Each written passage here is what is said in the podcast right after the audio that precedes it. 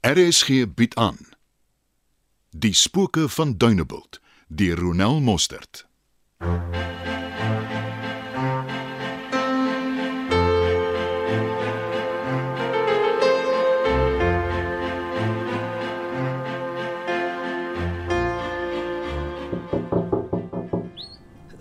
Dupré!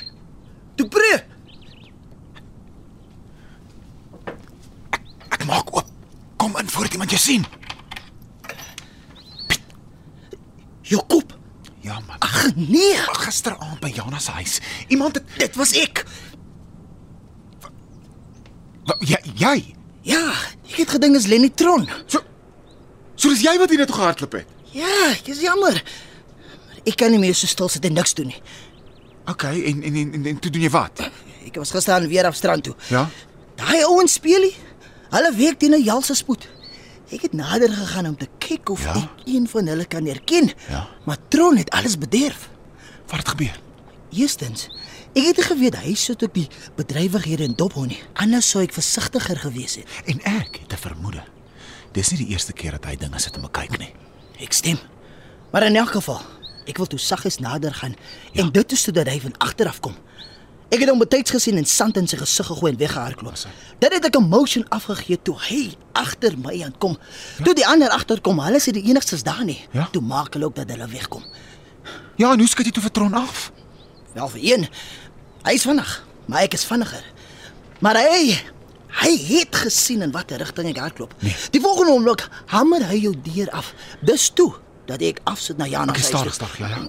Ek was nie seker of hy my gesien het nie. En toe hy agter haar huis kom en kom rondsoek, Ja. was ek onder die indruk dis hy wat weet waar ek is. Dit is toe dat ek vir jou eh, bykom. Ja, byk. Sorry man, Bykom. Wil jy koffie? hê? asseblief. Ek moet iets doen om wakker te bly. Ek het nie 'n oog toegemaak nie. Heeltyd bekommer hy ontdek my hier by jou. Ja, ja, ja, ja, ja, ons gaan net nou baie versigtig moet wees. Dink jy hy vermoed ek kruip hier weg? Nee, nee, nee, nee. Hy daag tydig en ontydig hier op. Lekker. Hm. Ah, dankie. Gelukkig is die agterkant van die huis redelik beskik en sien mense nie die kelder se ingang en die deur nie. Ja, ja. Tensy jy weet is daar. Ja, ja, dit is een ligpunt. Uh die ander een is uh Jan het hom vanoggend gekontak en Huh? gesê ja, daar was iemand by huis en dat sy my hulp ingeroep het en dat iemand my toe oor die kop gemoker het. Ek kan hoor dit het hom bietjie gegooi. Want dit al my so effens uit die prentjie. uit. Ek hoor jou. Maar wat is ons plan van aksie vorentoe? Ek gaan net bietjie tyd moet gee om te dink. Ehm um, die feit dat Tron nou bewus is van die stropery maak dinge eintlik nogal moeilik. Ek dink hy wag net vir die regte tyd. Dan gaan hy versterkings inroep en vir hulle 'n lokval stel. Maar dit sal ons planne verongeluk. Ons moet eers die inligting kry wat ons nodig het voordat hulle vastrek. Ehm um, o ja, ek het ek het uh, ontbyt gemaak. Eet jy saam? Sure. Dankie. En anyway, wat gaan hy maak? Huh? Hulle toesluit en na ruk loop hulle weer vry rond. Daar's nie 'n manier dat hulle die beens gaan spil en sê wie die hoofkokedoor is nie. Mm. Daarvoor het die myn peanut gesorg. Glo jy vir my? Maar as ons plan uitwerk is 'n ander storie. En dan praat ons nie net van die perlemoenstroop nie. Hulle gaan sit en blerry lank ook. Die lank en die kort is ek en jy moet net versigtiger wees. En jy kan nie Tarzan speel sonder dat ek af van weet nie. Ek weet. Ek, ek dom. Ja, dit kan jy wees hè. Ek is jammer. Jenny, Kyk hoe lyk ek ver oggend. Yes. Jy moet nou verduidelik wat gebeur het. So ons kan nou maar eet. dankie. Dit gaan lekker wees. Lyk lekker honger, my ou. Gistermiddag laas iets oor my lippe gehad.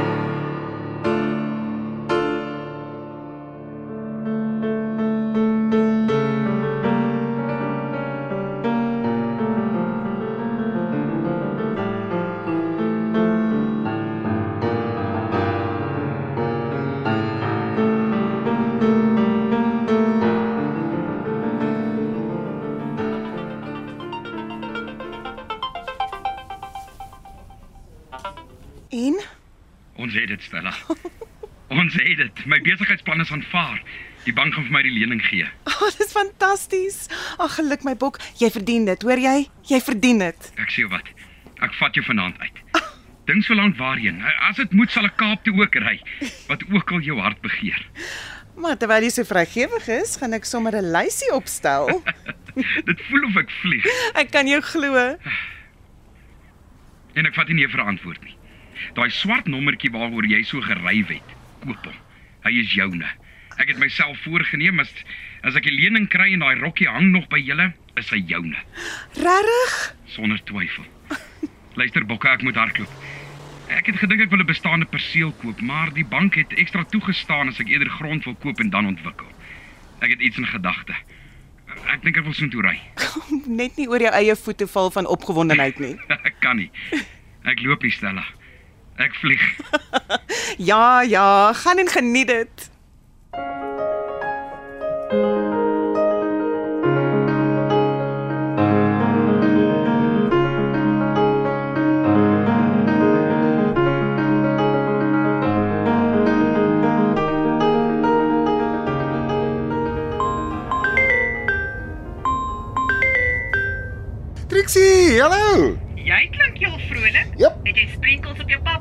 Beter as dit?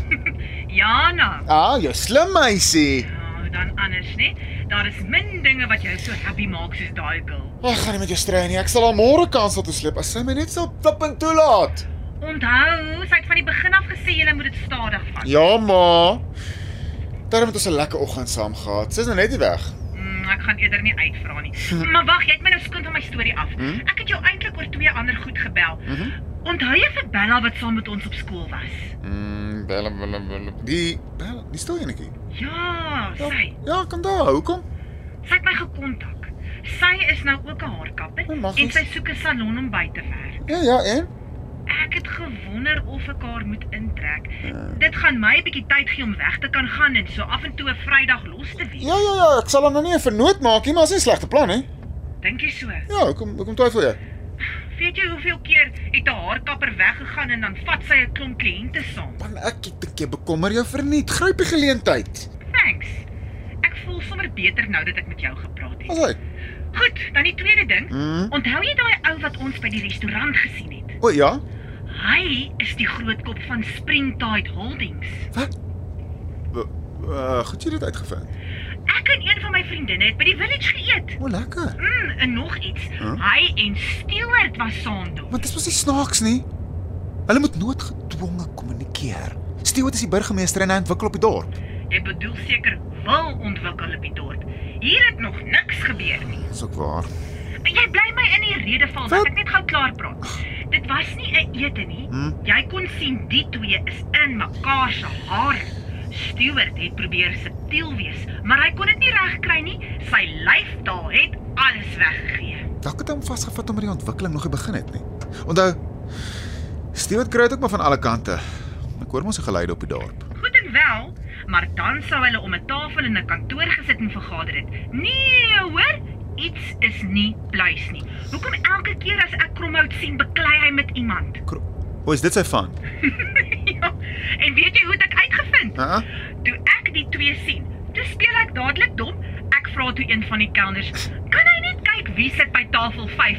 Ons moet iemand daar ontmoet en ons weet nie of dit moontlik nou die twee is nie." Dit blyk toe 'n meneer Kromhout het 'n bespreking gemaak. Okay. Mm. Is dit nou al wat jy gaan sê? Wat wil jy moet ek sê? Maar jy moet my krediet gegee het vir die manier hoe ek uitgevind het. En dan nou twee, ryk jy nie 'n rot nie? Uh, nee, nee eintlik nie. Mark my words, iets is nie reg nie. Maar ek is in elk geval nou skoon afgehaal.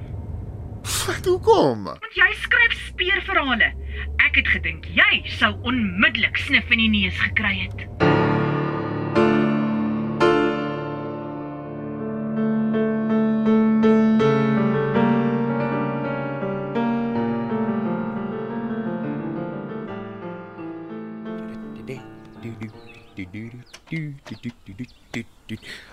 Ah, welkom by die huis my liewe vroutjie.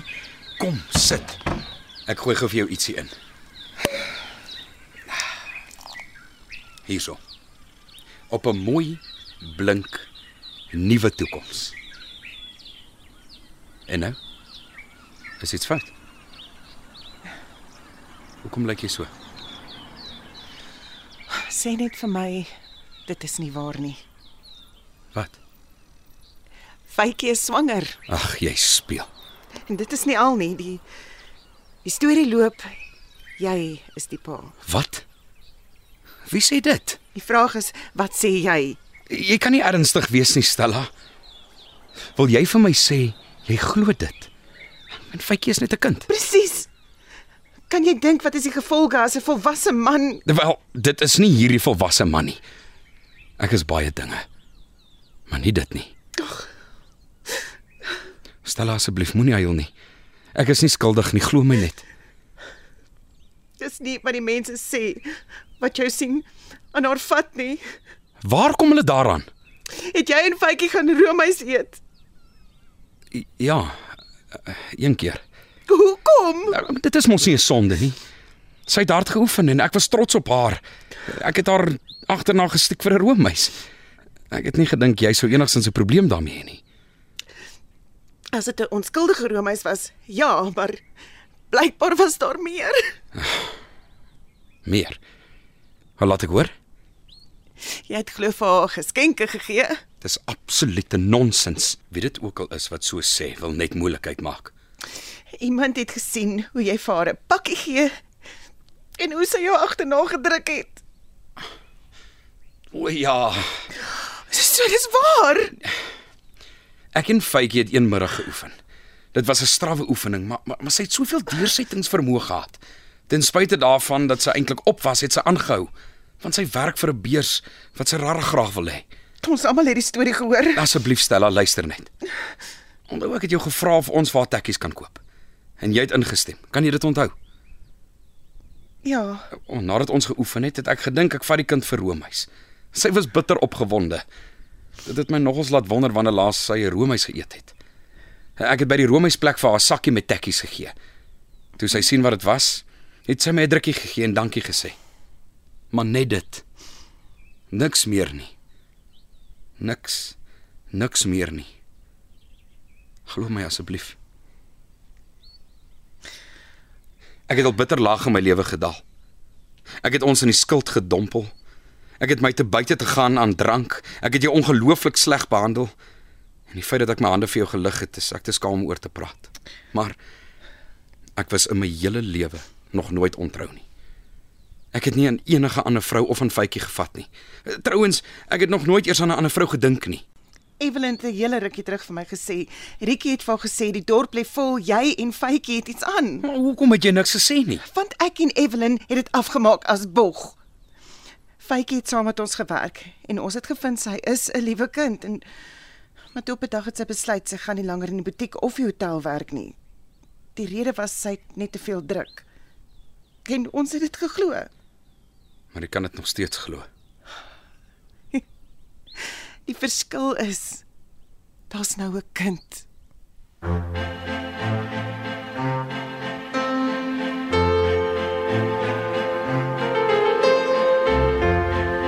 Spooke van Dunebuld word in Johannesburg opgevoer onder spelleiding van Johnny Klein.